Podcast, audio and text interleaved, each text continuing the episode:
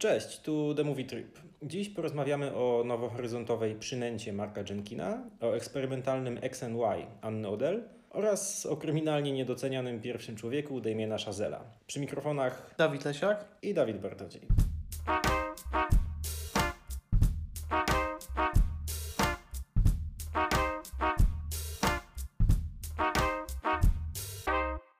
Pierwszy film to Bait, czyli Przynęta. Historia braci Ward, dwóch rybaków z Cornwalli, których losy oglądamy z perspektywy przemian wioski rybackiej w nadmorski kurort. Mike Jakin e, zrobił film, który został nagrodzony na festiwalu Nowe Horyzonty. Jest to Historia, która mówi nam o ekonomicznej, kulturowej i społecznej degradacji wioski, tak jak powiedzieliśmy, rybackiej, w której ścierają się dwa światy. Świat lokalsów, świat ludzi, którzy się tam wychowali, którzy właśnie są rybakami i napływowych Londyńczyków, którzy zaczynają anektować przestrzeń tak, aby stała się ona przestrzenią dla turystów. Tak, to jest główny temat tego filmu. Wypieranie klasy robotniczej, wypieranie rdzennej ludności, jakkolwiek źle to nie brzmi w kontekście Korwali. Widać, że zmienia się charakter tego miejsca bardzo płynnie z czysto rybackiego na, na turystyczny. Reżysera interesuje, co się w związku z tym dzieje, jakie zmiany idą za tą pierwszą zmianą. I stawia parę prostych diagnoz, mianowicie wskazuje, że, że następuje pewien rozpad więzi społecznych, mają miejsce tarcia we wcześniej całkiem, jak zakładamy, całkiem dobrze funkcjonującej wspólnocie.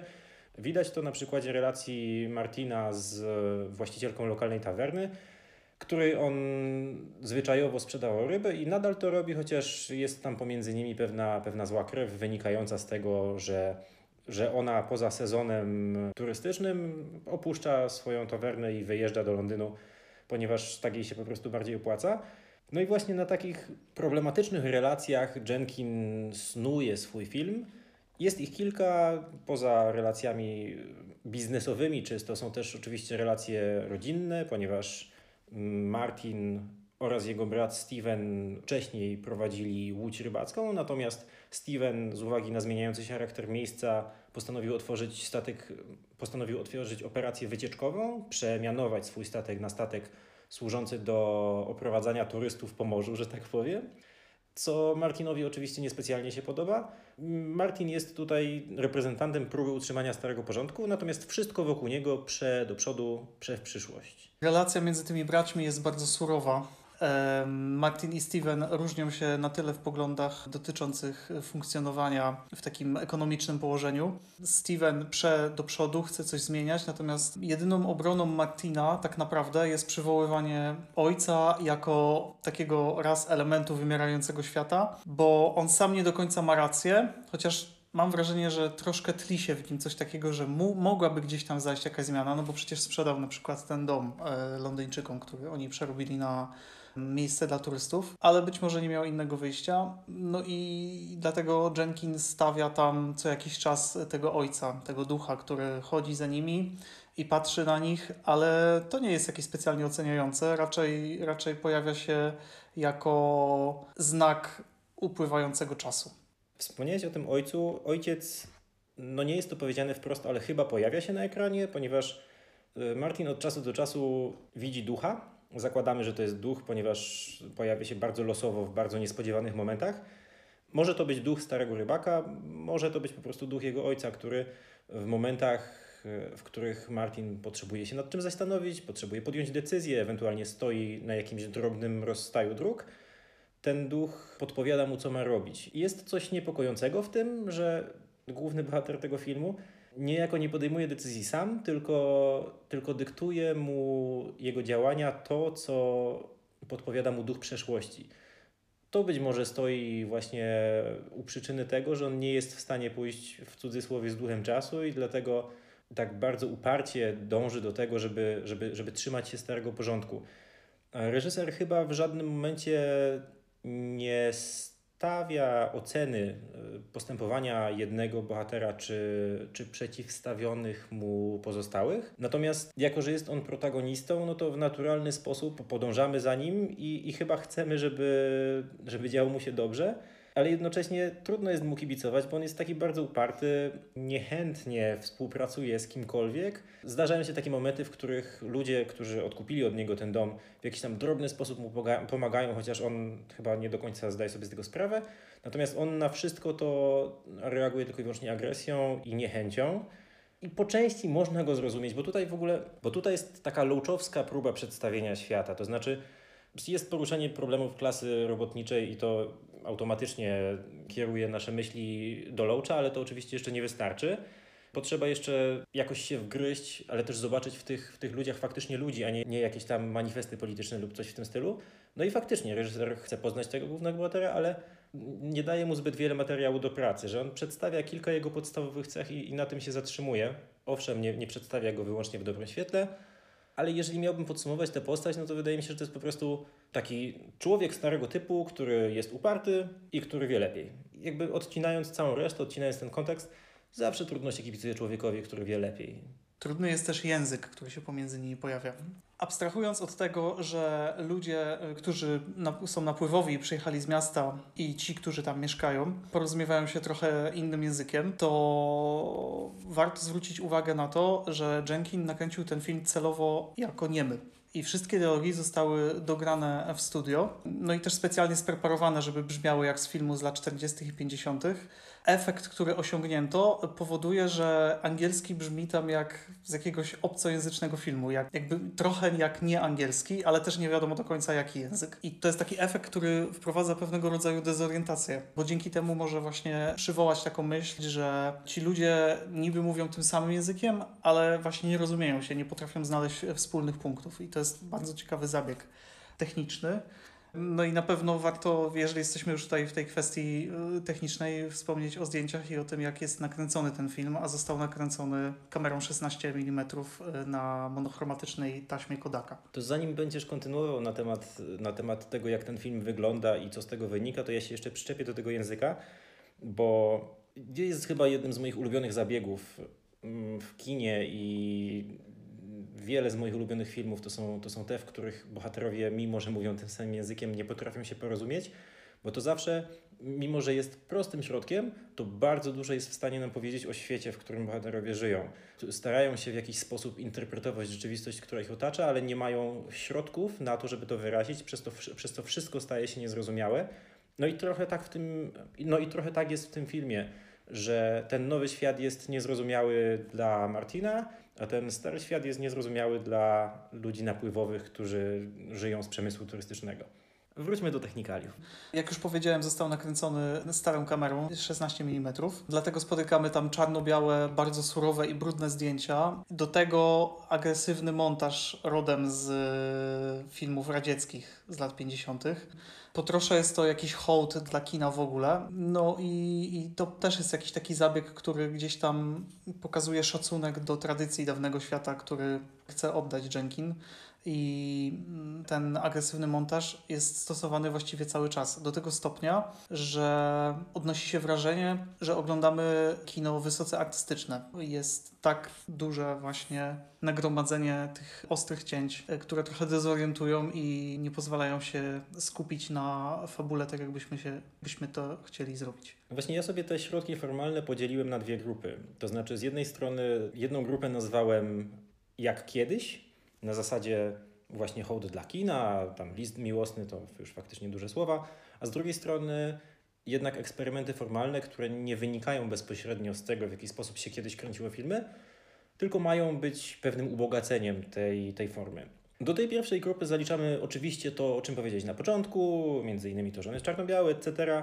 To, że jest tam bardzo wyraźne ziarno, chociaż ono akurat niekoniecznie powinno wskazywać na to, że to jest film jak dawniej, bo ziarno nie wynika z tego, że filmy były robione kiedyś, tylko wynika z niszczących kopii i te dialogi dograne w studiu. A do drugiej i dla mnie znacznie bardziej interesującej grupy należą takie eksperymenty formalne, jak na przykład prześwietlanie obrazu miejscami w naprawdę mocny sposób w szczególności na, na jednej z postaci, na postaci syna nowych właścicieli domu, który kiedyś należał do Martina. Z jakiegoś powodu reżyser uparł się na tę postać i prześwietlał obraz za każdym razem, kiedy tamten chłopak znajdował się na ekranie, co ma pewne uzasadnienie fabularne, nie będę teraz tego zdradzał, ale Nie wiem, czy jest to środek, który jest uży, użyty sensownie, ponieważ poza taką, powiedzmy, że poza takim małym fajerwerkiem nic nie wnosi.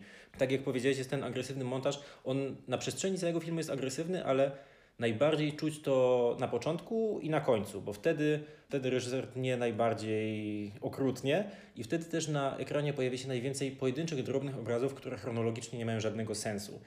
Jak sobie te wszystkie środki podsumuję, to wychodzi mi, że nie mam zielonego pojęcia, po co one zostały użyte. Rozumiem, dlaczego używamy tych środków, które pokazują, że ten film wygląda jakby był stary, jasne. Nie rozumiem, dlaczego wzbogacamy tę formę o jeszcze dodatkowe, jeszcze dodatkowe elementy eksperymentalne ponieważ nie czuję, że to jakąkolwiek wartość filmowi przynosi. Co ty myślisz? Może po prostu chodziło tylko o to, żeby pokazać wzburzenie, wzburzenie tych bohaterów. To jest pewna poetyckość, tak naprawdę, ten nadmiar tych e, zakończeń i cięć. I one mi przypominały te fale.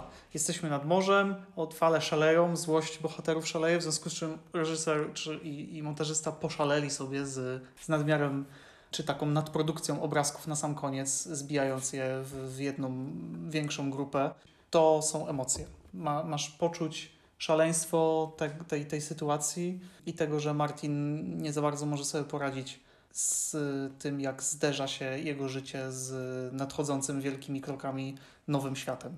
Wracając do clue tej historii, jest to po prostu film o gentryfikacji. Na pewno w tym filmie jest sporo gniewu i, i poczucia bezradności. Po wyjściu z kina kilkoro moich znajomych powiedziało, że nie podoba im się, że główny bohater żyje przeszłością i nie chce iść naprzód. Tymczasem, co więcej on może czuć w sytuacji, kiedy e, sprzedał rodzinny dom, nie ma pieniędzy, spędził całe swoje życie w wiosce rybackiej i to wszystko wiąże się z tak zwanym dziedziczeniem postaw. Dziedziczy się te postawy, uczucia, położenie socjoekonomiczne i dla wielu ludzi na świecie to jest po prostu przekleństwo, bo dziedziczy się również biedę i, i wcale nie jest się łatwo jakoś z tego wyrwać, zmienić o 180 stopni swoje, mm, swoje położenie i jakąś przyszłość, która trochę poprzez, poprzez wychowanie, to skąd się pochodzi i tak dalej, i tak dalej, jest jakoś tam już trochę zapisana. I trochę mnie zmartwiło, że żaden z, ze znajomych nie zwrócił uwagi na to, że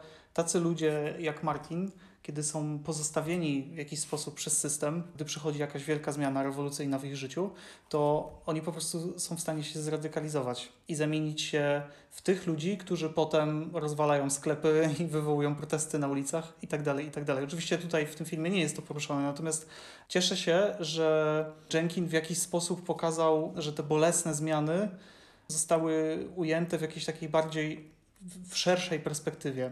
On dzięki temu filmowi oddał głos tym, którzy tracą zawsze na transformacji, e, a której tutaj jest efektem właśnie gentryfikacja mm, wypierająca naturalne społeczności. Czyli mówiąc krótko, Jenkin porusza temat tożsamości jako istotnego elementu człowieczeństwa, który bardzo często jest pomijany przez ludzi budujących nowe społeczeństwo. I tutaj chyba znowu wracamy do, do takiego lołczyzmu, obserwujemy ludzi, którzy są w jakiś sposób pozostawieni na, na marginesie społeczeństwa, na marginesie tego gnającego do przodu świata. Przyglądamy się ich życiu w taki sposób, żeby zrozumieć, jak, jak oni się czują. No i szczerze mówiąc, tak jak bardzo doceniam próbę Jenkina, że, że w ogóle pochylił się nad tym tematem, to finalnie ja chyba nie do końca rozumiem tego głównego bohatera. To znaczy, oczywiście, wiedząc o nim to wszystko, co my wiemy, mm, wiedząc, że on, tak jak powiedziałeś, od zawsze był rybakiem, to nagle w wieku, ile on tam może mieć, 40-45 lat, nie zrobi nagle wielkiego krzyżyka na całym swoim dotychczasowym życiu, nie wyjedzie do Londynu i nie zostanie bankierem. Tak jak chciałoby pewnie tego większość ludzi, którzy tę wioskę, w której on mieszka, organizują na nowo. Oczywiście są ludzie, którzy są w stanie to zrobić, ale jest też istotna, istotna grupa, która w stanie nie jest. No i nie można o nich całkowicie zapominać i nie można im mówić, że się muszą dostosować, bo, bo inaczej. No więc koniec końców cieszę się, że ten film powstał. Myślę, że mógłby być lepszy, ale każdy sposób dopuszczenia do głosu ludzi, którzy w jakiś sposób są wykluczeni, zawsze należy docenić. Nawet jeżeli pod kątem naszej tutaj przykawowej krytyki może wydawać się nie do końca udany. Dobrze, zostawiamy Markowi Jenkinowi 7 koszy na homary za jego trudy i idziemy dalej.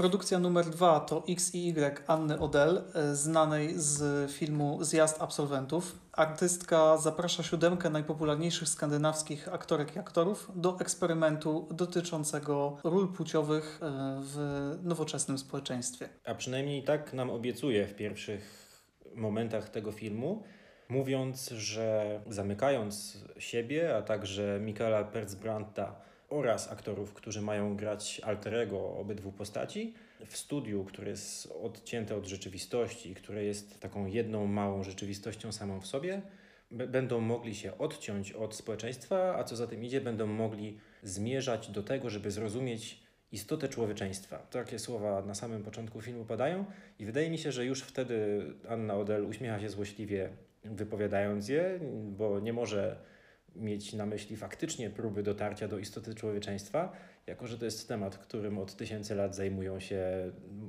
głupsi i mądrzejsi ludzie. I ten film generalnie jest takim, mam wrażenie, że mrugnięciem okiem do tych widzów, którzy widzą, że wszystko, co tutaj jest robione, to jest robione totalnie nie na serio. I każda deklaracja jest tylko i wyłącznie fałszem. W związku z czym przez pierwszych kilkadziesiąt minut faktycznie przyglądamy się temu, w jaki sposób różnią się od, ciebie, od siebie płci, ale ten wątek w pewnym momencie umiera, już nigdy się nie rodzi na nowo i zaczynamy pochylać się nad innymi tematami, między innymi na granicach sztuki, na granicy pomiędzy sztuką a rzeczywistością, etc., etc. Wszystkie te takie już na 17 tysięcy sposobów przemielone tematy związane z tym, dokąd może zmierzać sztuka, Anna Odell tutaj porusza.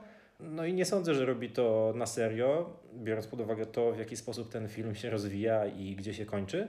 Trudno ocenić ten wysiłek, bo ja na przykład widząc, co reżyserka chce zrobić, a przynajmniej myśląc, że wiem, co reżyserka chce zrobić, koniec końców byłem rozczarowany i nie czuję, żeby to półtorej godziny, nawet jeżeli od czasu do czasu okraszane całkiem dobrym humorem, wzbogaciło w jakiś sposób moje życie, ale wiem, że ten film ma wielu fanów. Wiem, że ten film jest doceniany między innymi za to bogactwo scenografii, które zostało w studiu przez Annę wykreowane. I być może ty zaliczysz się do tych ludzi, mm, więc zadam ci teraz pytanie, co sądzisz o tym filmie?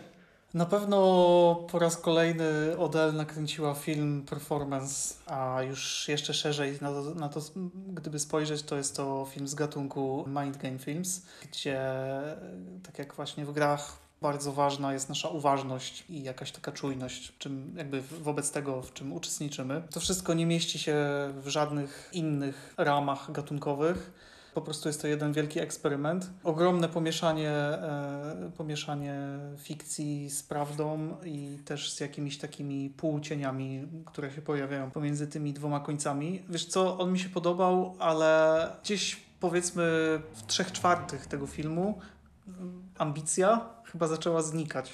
I ten problem po pojawia się wtedy, kiedy aktorzy w filmie, czy postaci w filmie, bo też nie zawsze wiemy, kiedy oni grają, a kiedy wychodzą z roli, e, zaczynają mm, coraz częściej i częściej dopytywać e, reżyserkę o scenariusz. A ona uparcie powtarza, że scenariusza nie ma, że jest to film eksperyment. E, przy okazji walczy z producentami, żeby doprowadzić dzieło do końca, przekonując, że właśnie o to chodzi, żeby przekroczyć kolejne granice w, w kinie, tak jak próbuje przekroczyć granice jakiejś płynności seksualnej, o której mówi takim ogólnym założeniu. On mi się podobał, ale w takiej właśnie, jeżeli się zagłębić, to trzeba cały czas wywracać swoją perspektywę w głowie i zgadzać się na wszelkie niedogodności, które oferuje e, ten film, żeby móc go polubić. Ta złożoność jest po prostu bardzo nierówna. Konstrukcja tego filmu jest y, tak skomplikowana, jak to, co ona próbuje zrobić, czyli właśnie przełamanie tej seksualności, zdominowanie i zamknięcie w klatce tego macho, jakim jest, y, jest, jest ten główny aktor którego zaprosiła. Z tym, że to jest właśnie niemożliwe. I dlatego ten film jest takim chyba eksperymentem niedokończonym, niemożliwym. I w tym momencie przestał on mi się podobać, bo wydaje mi się, że jednak można do pewnego momentu eksperymentować, ale trzeba znaleźć jakieś rozwiązanie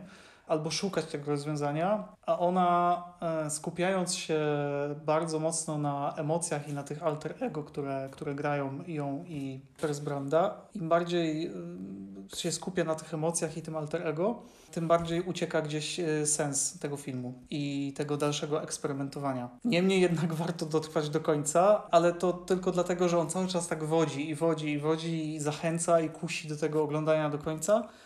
Natomiast wnioski się gdzieś rozpływają po prostu na samym końcu. Ja nie wiem, czy w przypadku tej produkcji można w ogóle mówić o jakichkolwiek wnioskach, bo film skonstruowany jest w ten sposób, że on dyskutuje z widzem i w momencie, w którym widz chce zaskoczyć ten film i powiedzieć mu, aha, złapałem cię na tym, że ty robisz coś, to film robi, nie, nie, przecież ja dobrze wiem, że to robię i tak w nieskończoność. I to może działać jak, nie wiem, jak stęga Mobiusa. Więc na początku zastanawia, zastanawiamy się, po co w ogóle ten film jest i mamy swoją pierwszą hipotezę, że aha, czyli film w zasadzie to jest tylko i wyłącznie po to, żeby ta Anna mogła się przespać z Mikaelem, bo z jakiegoś powodu to jest jej ambicja. A film mówi, niby tak, ale my wiemy, że tak jest, w związku z czym podnosimy stawkę i dodajemy tutaj drugą warstwę, że tak naprawdę to ona nie chce się z nim przespać tylko i wyłącznie jakby dla samej przyjemności z tego, żeby usiedlić najbardziej pożądanego człowieka w Skandynawii, tylko dlatego, żeby urodzić mu dziecko, które będzie dzieckiem sztuki. Na co my mówimy, ale bez przesady, przecież to jest absurdalna sytuacja i zmierza w kierunku jakiegoś tam domu wielkiego brata. Tak? I to jest ten moment najciekawszy w tym filmie, czyli pytanie, y, z którym się zderzamy. Pytanie brzmi następująco: czy ona chce się przespać z wizerunkiem, czy chce się przespać faktycznie z tym mężczyzną? E, I to pytanie można rozszerzyć na inne aspekty pozakinowe i zadać, jakby jako człowiek, możemy sobie wtedy zadać takie pytanie: co mi się bardziej podoba? Co, co nas kusi, patrząc na takich ludzi jak znany, przystojny aktor? Czy jakikolwiek inny człowiek, który jest po prostu atrakcyjny, czy pożądamy właśnie tylko jego wizualności, czy pożądamy e, jakby czegoś więcej, co stoi za tym człowiekiem. Ten moment jest chyba najważniejszy. I gdyby ona szła cały czas w tym kierunku i próbowała badać zachowanie człowieka i dalszy rozwój tej sytuacji, to ten film wydawałby się pewnie bardziej domknięty. Natomiast ta forma się otwiera coraz bardziej, nie trafiamy do celu. No właśnie to jest troszeczkę tak, że jest otwartych tyle drzwi i przez każdy by się chciało przejść, bo tam jest tyle do szukania, tyle tropów, tyle wątków, tyle pytań, które można zadać. I Anna Odell nam pozwala zadać te pytania, a następnie wali nas obuchem w głowę i zmienia temat. Niesamowita sprawa, bo, bo w ten sposób w zasadzie nie da się z filmem dyskutować, ale jednocześnie on bardzo do tego zachęca. W związku z czym po tym, jak już zamykamy ten temat seksualności ni stąd, ni zowąd, to nagle zaczynamy się zastanawiać, czy ten film jest faktycznie o tym, że my się przyglądamy, jak dyskutują ze sobą różne części osobowości tej dwójki bohaterów. Więc te wszystkie alterego, ci aktorzy, którzy zostali zaproszeni do grania alterego, być może oni w zupełności są wycięci, nie ma tam absolutnie żadnej cząstki nich i są oni tylko i wyłącznie częściami osobowości Anny Odell oraz Michaela Persbranta. I jeżeli patrzymy na to, jak oni ze sobą rozmawiają, to być może faktycznie widzimy różne części mózgów tych dwóch ludzi, którzy, które rozmawiają albo ze sobą nawzajem, albo roz, toczą dialogi wewnętrzne. I to też jest interesujące, że myślimy, aha, widzę, co wy robicie. To jest film w takim razie o tym, w jaki sposób funkcjonuje ludzki mózg. I w tym momencie Anna Odell mówi, że ale ja wiem, że ja robię o tym film, ale tak naprawdę to robię film o czymś zupełnie innym. I w tym momencie zaczyna mówić faktycznie o granicach, yy, granicach sztuki, yy, to znaczy konkretnie o różnicy pomiędzy sztuką a rzeczywistością. I wtedy się faktycznie zaczynam zastanawiać, czy istnieje jakaś indywidualność w tych aktorach, czy to, co oni robią, to jest bardzo mocno y, zaplanowane i jakby wycyzylowane przez, przez Annę Odell. I w momencie, w którym zaczynamy się zastanawiać, to aktorzy przychodzą do, do Anny i mówią, co my właściwie robimy? Nie wiemy, co się dzieje. I tak przez ostatnie pół godziny filmu w zasadzie tylko i wyłącznie to zdanie jest powtarzane. Yy, jakby to prowadzi do frustracji. Ja po zakończeniu tego seansu byłem bardzo niezadowolony z tego filmu, ale im dłużej nim myślę, tym bardziej go doceniam z tego powodu, że on yy, otwiera naprawdę bardzo dużo ścieżek, bardzo dużo furtek w głowie i pozwala rozkminiać yy, bardzo wiele tematów, jednocześnie nie dając więcej niż jakiegoś takiego ochłapu, szczątku, początku do dyskusji i potem zostawiając nas z niczym. Tak, no i ten moment właśnie, kiedy aktorzy zaczynają pytać, niszczy e, wszystkie te rzeczy, które mamy ułożone powoli w głowie, gdzieś tam oglądając skądinąd trudny film. Jak widzimy, oni zgadzają się, podpisując jakąś tam umowę z, z Odell na przekraczanie swoich ba barier e, psychologicznych e, i fizycznych. I to też wydaje się bardzo ciekawe i to też jest jeden z kolejnych wątków. No ale to znika znowu w którymś, w którymś momencie. No i nijak na to spojrzeć, nie wiadomo co z tym zrobić. Ale pomysł y, stworzenia artystycznych sobowtórów samej siebie i swojego jako takiego współpracownika, ale jednocześnie przeciwnika jest bardzo ciekawy. No tylko zabrakło, zabrakło spójności. Warto zwrócić uwagę, że jak się chwilę nad tym zastanowić, to w tym filmie nie ma w zasadzie nic nowego. To są wszystko pytania, które już kiedyś przez kogoś były zadawane, tylko że Anna Doyle zrobiła performance zadający je wszystkie naraz, a w zasadzie mm, jedno po drugim na przestrzeni półtorej godziny i jeszcze na tyle chytrze, że sprzedaje nam to jako film, który naprawdę będzie super, który na, naprawdę będzie kawałkiem wyśmienitej sztuki. Wyobrażam sobie, że w momencie, w którym ona puszczała ten film po raz pierwszy widownie i siedziała na sali kinowej, to w momencie, w którym z ust e, Persbranta na ekranie padają słowa, że Pytacie mnie, dlaczego to robię? Robię to dlatego, że powstanie z tego naprawdę zajebiście dobry film. To widownia jeszcze w to wierzy, ona się śmieje w duchu, bo ona doskonale wie, że jeżeli traktować ten film jako taki zwykły film, który odbieramy według tych wzorców, które znamy, no to to w żadnym wypadku nie może być dobry film, ale jeżeli faktycznie potraktujemy go jako coś zupełnie innego, no to może on otwierać dużo drzwi do, dużo drzwi do, do dyskusji.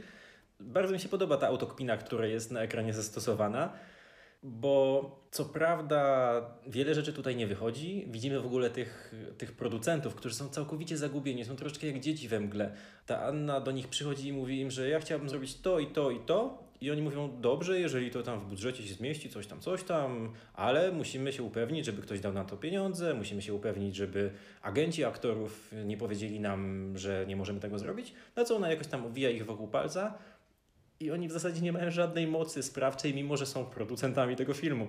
Mm, na tej samej zasadzie całkowicie rozbijana jest e, jedność wśród ludzi, którzy już siedzą w tym studiu, czyli wśród tych aktorów, i w momencie, w którym oni starają się jakkolwiek sobie zorganizować rzeczywistość, i różni ludzie robią to na różne sposoby, bo alterego Anny dyskutują między sobą, starają się przybrać jakąś taktykę, dzięki której mogliby konfrontować się z alterego Mikaela. Z kolei alterego Mikaela mają inną taktykę, mianowicie oni napadają na tego Mikaela, starają się go sprowokować, żeby on dał im coś, dzięki czemu oni mogli będą grać.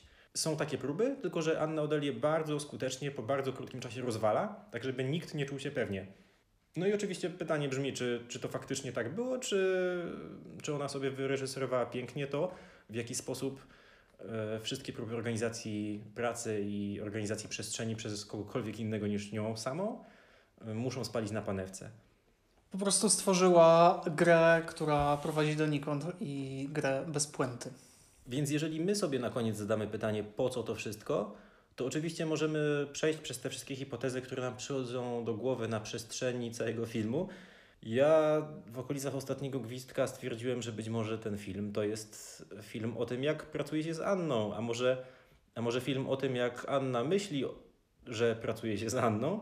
A koniec końców chyba nie ma to większego znaczenia, bo film jest o wszystkich tych rzeczach naraz i o żadnej z nich konkretnie. W związku z czym nie znamy i nie poznamy. Na pewno jest po prostu o tym, jak społeczeństwo odbiera dwóch bardzo znanych e, skandynawskich aktorów, którzy są no jakby nie patrzeć kontrowersyjnie. Ale nie do końca jest o tym film, tylko odbiór tego filmu jest o tym, tak bym powiedział. No właśnie, myślę, że nasi słuchacze już też nie będą wiedzieć, gdzie są po tej dyskusji. I bardzo dobrze właśnie o to chodzi, skoro Anna Odell zrobiła film, który jest pofragmentowany, poszatkowany i zmieniający temat co chwilę, to my zróbmy taką rozmowę na jego temat. Okej, okay, to czas na ocenę. Myślę, że oceniam ten film na od 4 do 7 na 10 alterego.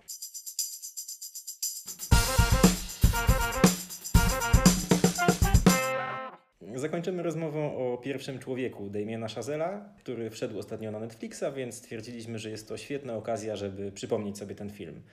Film obrazujący drogę Nila Armstronga od testowania zasilanych rakietowo samolotów NASA do postawienia pierwszego kroku na Księżycu.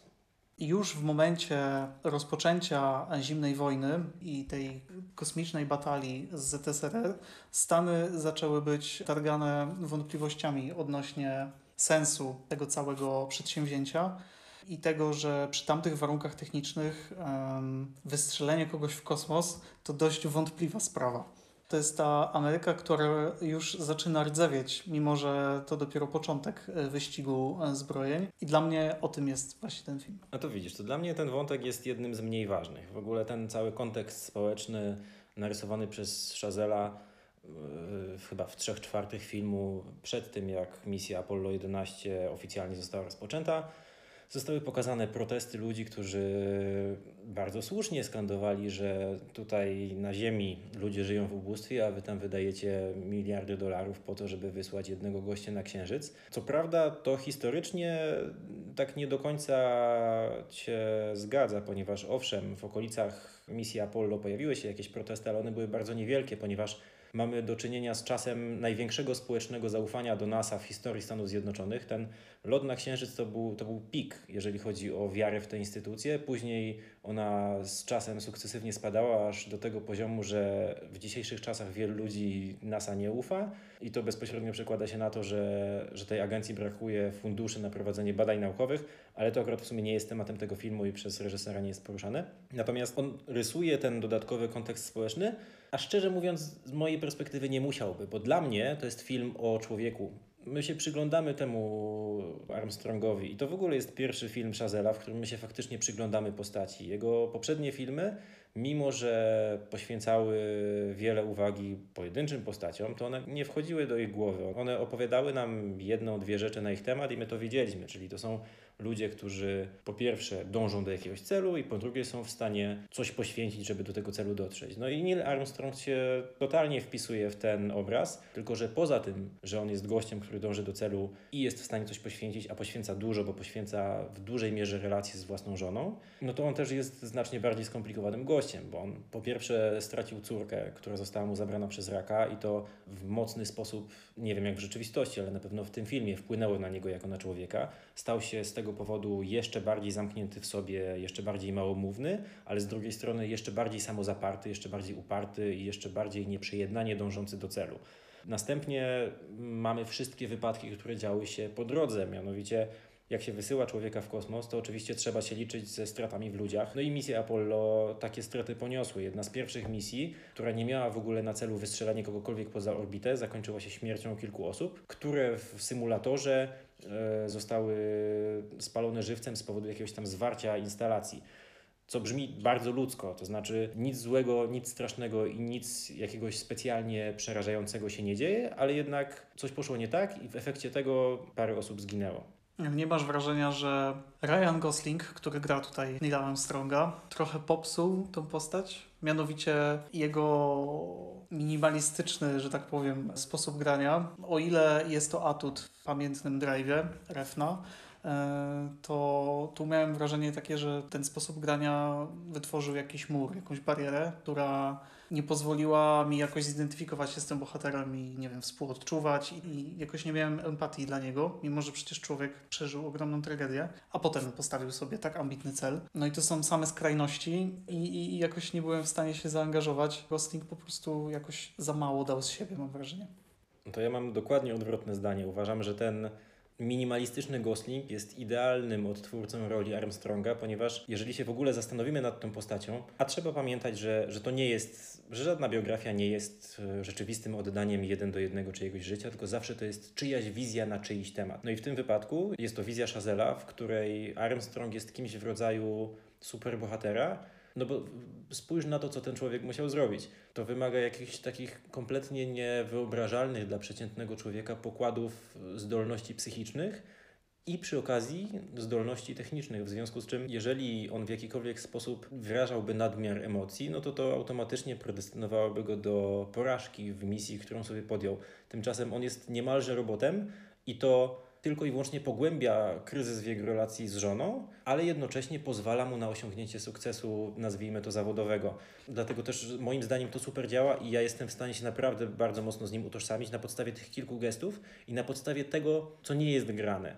Bo są takie sceny, w których jego żona wyraża tych emocji znacznie więcej, ponieważ jakby ona nie, nie musi blokować tego wszystkiego z powodu pracy przez nią wykonywanej a on jest całkowicie zamknięty. I to są sceny, które dla mnie w tym filmie są jednymi z najmocniejszych i nie wydaje mi się, żeby one działały tak dobrze, gdyby, gdyby Gosling był równie ekspresyjną siłą co, co Claire Foy. Być może chodzi też o to, że jest po prostu mężczyzną z lat 60., więc musi być po prostu twardzielem. Chciałbym przyjrzeć się na chwilę konstrukcji pierwszego człowieka i też porównać to z poprzednimi filmami Chazela, bo Jako, że jest to na tyle młody twórca i jego filmy wszystkie na pewnym poziomie traktują tym samym, to, to myślę, że możemy sobie na to pozwolić. Bardzo podoba mi się w pierwszym człowieku to, że to faktycznie jest od samego początku do samego końca film, który sobie radzi. Co nie do końca jest prawdą w kontekście jego poprzednich filmów. Wiem, że wielu się ze mną nie zgodzi, ale ja czuję, że jego poprzednie filmy to są końcowe sceny, to takie fantastyczne, finalne, finałowe sekwencje, które równie dobrze mogły być filmikami na YouTubie, które zebrałyby miliony lajeczków. I Chazelle najpierw nakręcił to, a potem dorobił do tego całą historię. I to zupełnie swoją drogą w przypadku Whiplash to, to dokładnie jest tak, tak jak powiedziałem, bo, bo w Whiplash wykoncypował sobie tę finalną sekwencję, a potem dorobił do tego cały film. W La Land już nie La La Land, to jest scenariusz, który on tam przez wiele lat pisał na kolanie, kiedy jeszcze był studentem Harvardu.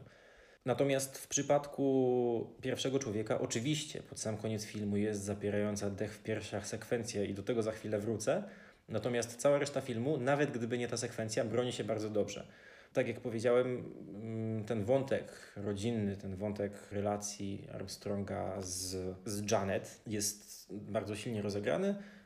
Przy okazji dostajemy wątek jego relacji z, z, jego środowiskiem zawodowym, w którym on pełni bardzo silną rolę, jest bardzo poważaną osobą, mimo że nie, mimo, że nie musi w żaden sposób wyrażać swojej istotności, nie musi w żaden sposób zaznaczać swojej dominacji. Nadal, tak jak powiedziałem wcześniej, jest, jest tą milczącą osobą. No ale jest ta zapierająca dech w piersiach sekwencja na końcu, która niemalże wieńczy dzieło. I chciałbym się na chwilę nad nią pochylić, ponieważ to prawdopodobnie jest jedna z moich ulubionych rzeczy, które zobaczyłem w kinie w ostatnich latach. I bardzo się cieszę, że zobaczyłem to w kinie i nie czekałem na chociażby na tę Netflixową premierę, która nastąpiła parę tygodni temu. Bo mój Boże, jak to jest dobrze zrobiona scena. Scena oczywiście lądowania na Księżycu, podczas której 90% roboty robi muzyka. Obraz to jest statyczna kamera umieszczona, powiedzmy, że POV bohatera patrzącego przez małe okienko tego lądownika, zbliżającego się do księżyca. Widzimy oczywiście obrazek księżyca przelatujący za oknem i w jakiś tam sposób na pewno musi to przywoływać na myśl wspomnienia z 2001 Odysei Kosmicznej, choć tutaj jest zdecydowanie mniej wizualnych fajerwerków niż tam. Ale ten wals, który jest grany i to cały pięciominutowy podczas tej sekwencji tak maksymalnie robi robotę, że aż naprawdę trudno powstrzymać ciarki, bo progresja utworu działa idealnie. On od, od nut początkowych przez powolne rozwijanie się aż po takie crescendo pod sam koniec na, naprawdę budują atmosferę tej sceny i w momencie, w którym Neil Armstrong schodzi z lądownika na księżyc i faktycznie wy, wykonuje ten pierwszy krok i tam faktycznie są wypowiadane te wszystkie słowa, i w momencie, w którym Neil Armstrong faktycznie schodzi z tego lądownika i wypowiada te słowa o pierwszym, o pierwszym kroku, etc., to my ciągle jeszcze mamy w pamięci tę sekwencję, która się skończyła przed chwilą i która wyobrażam sobie, że nie tylko mnie czytając fora filmowe, naprawdę przysporzyła niesamowitej radości i tym bardziej jestem w szoku, że Akademia Filmowa postanowiła nawet nie nominować Justina Hurwitza do Oscara za ten soundtrack, w momencie, w którym to jest jego najlepszy soundtrack dotychczasowych filmów Shazela. Nie rozumiem tego, ale sekwencję wiem, że powtórzę sobie jeszcze niejednokrotnie.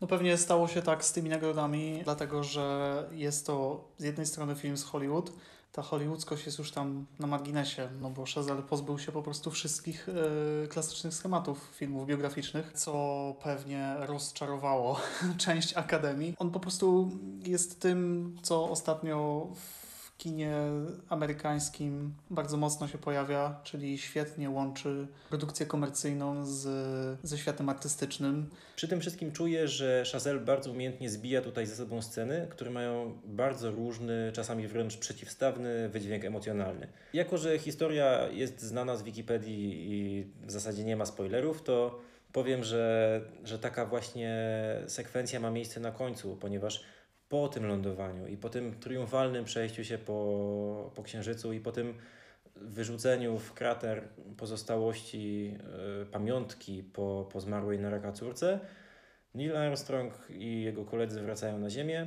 i ostatnia scena w tym filmie to jest scena Nila, który siedzi w kwarantannie i przez szybę patrzy na swoją żonę i żadne z nich nic nie mówi i my tak zostajemy na parę sekund w tym miejscu i czujemy, że wielki triumf miał miejsce, ale już go tutaj nie ma. I dla tych ludzi co teraz? Bardzo, bardzo mi się podoba To, że Chazelle nie, nie skończył tą triumfalną nutą, mimo że faktycznie lądowanie na Księżycu, już pomijając pytania o sensowność, etc., to, był, to było wydarzenie, które było w stanie położyć most pomiędzy zwaśnionymi ludźmi w Stanach. To było coś, co naprawdę było w stanie zunifikować społeczeństwo. Niewiele jest takich wydarzeń, z reguły one są związane z jakimiś wojnami, które, które unifikują społeczeństwo tak mocno. Tutaj było od początku do końca pozytywne wydarzenie, które wszystkich tych ludzi połączyło w jedno i film propagandowy prawdopodobnie w tym miejscu by się zakończył, a, a Chazelle daje nam jeszcze ostatnich 10 sekund, które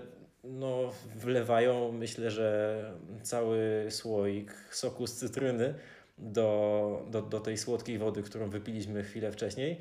I myślę, że na tym polega jego kunszt, że on poza tym, że zrobił film o takim podniosłym, ważnym, no jednym z najważniejszych wydarzeń w XX wieku, to potrafi koniec końców pokazać nam tragedię pojedynczego człowieka i że to jest dla niego w tym filmie najważniejsze, a nie te wszystkie wielkie wydarzenia. I dlatego też, pomimo oczywiście tych wszystkich krzykaczy, którzy mówili, że o, o tam nie ma flagi Stanów Zjednoczonych na Księżycu, więc to jest film do nosa, no to Chazelle mówi, że jego to w ogóle nie obchodzi, bo to nie chodzi o ten księżyc, nie chodzi o tę flagę i nie chodzi o ten lot, mimo że on tam tak pięknie wygląda. Chodzi o tego człowieka i o jego, i o jego relację z żoną. Ta ostatnia scena jest bardzo metaforyczna i pokazuje dobitnie, że Armstrong nie powrócił z przestrzeni kosmicznej, pozostał samotnym człowiekiem w kosmosie, nawet po powrocie na Ziemię. Pozostaje ocena. Ja będę nieobiektywny, ponieważ to jest jeden z tych filmów, po których naprawdę czuję, że kocham kino, a takie zdarzają mi się coraz rzadziej. Nie wiem jak ty, ale ja z miłą chęcią pozostawię tutaj 9 łazików księżycowych na 10. I ja się pod tym podpisuję. To by było na tyle. Dziękujemy bardzo i do usłyszenia w kolejnym odcinku. Cześć. Cześć.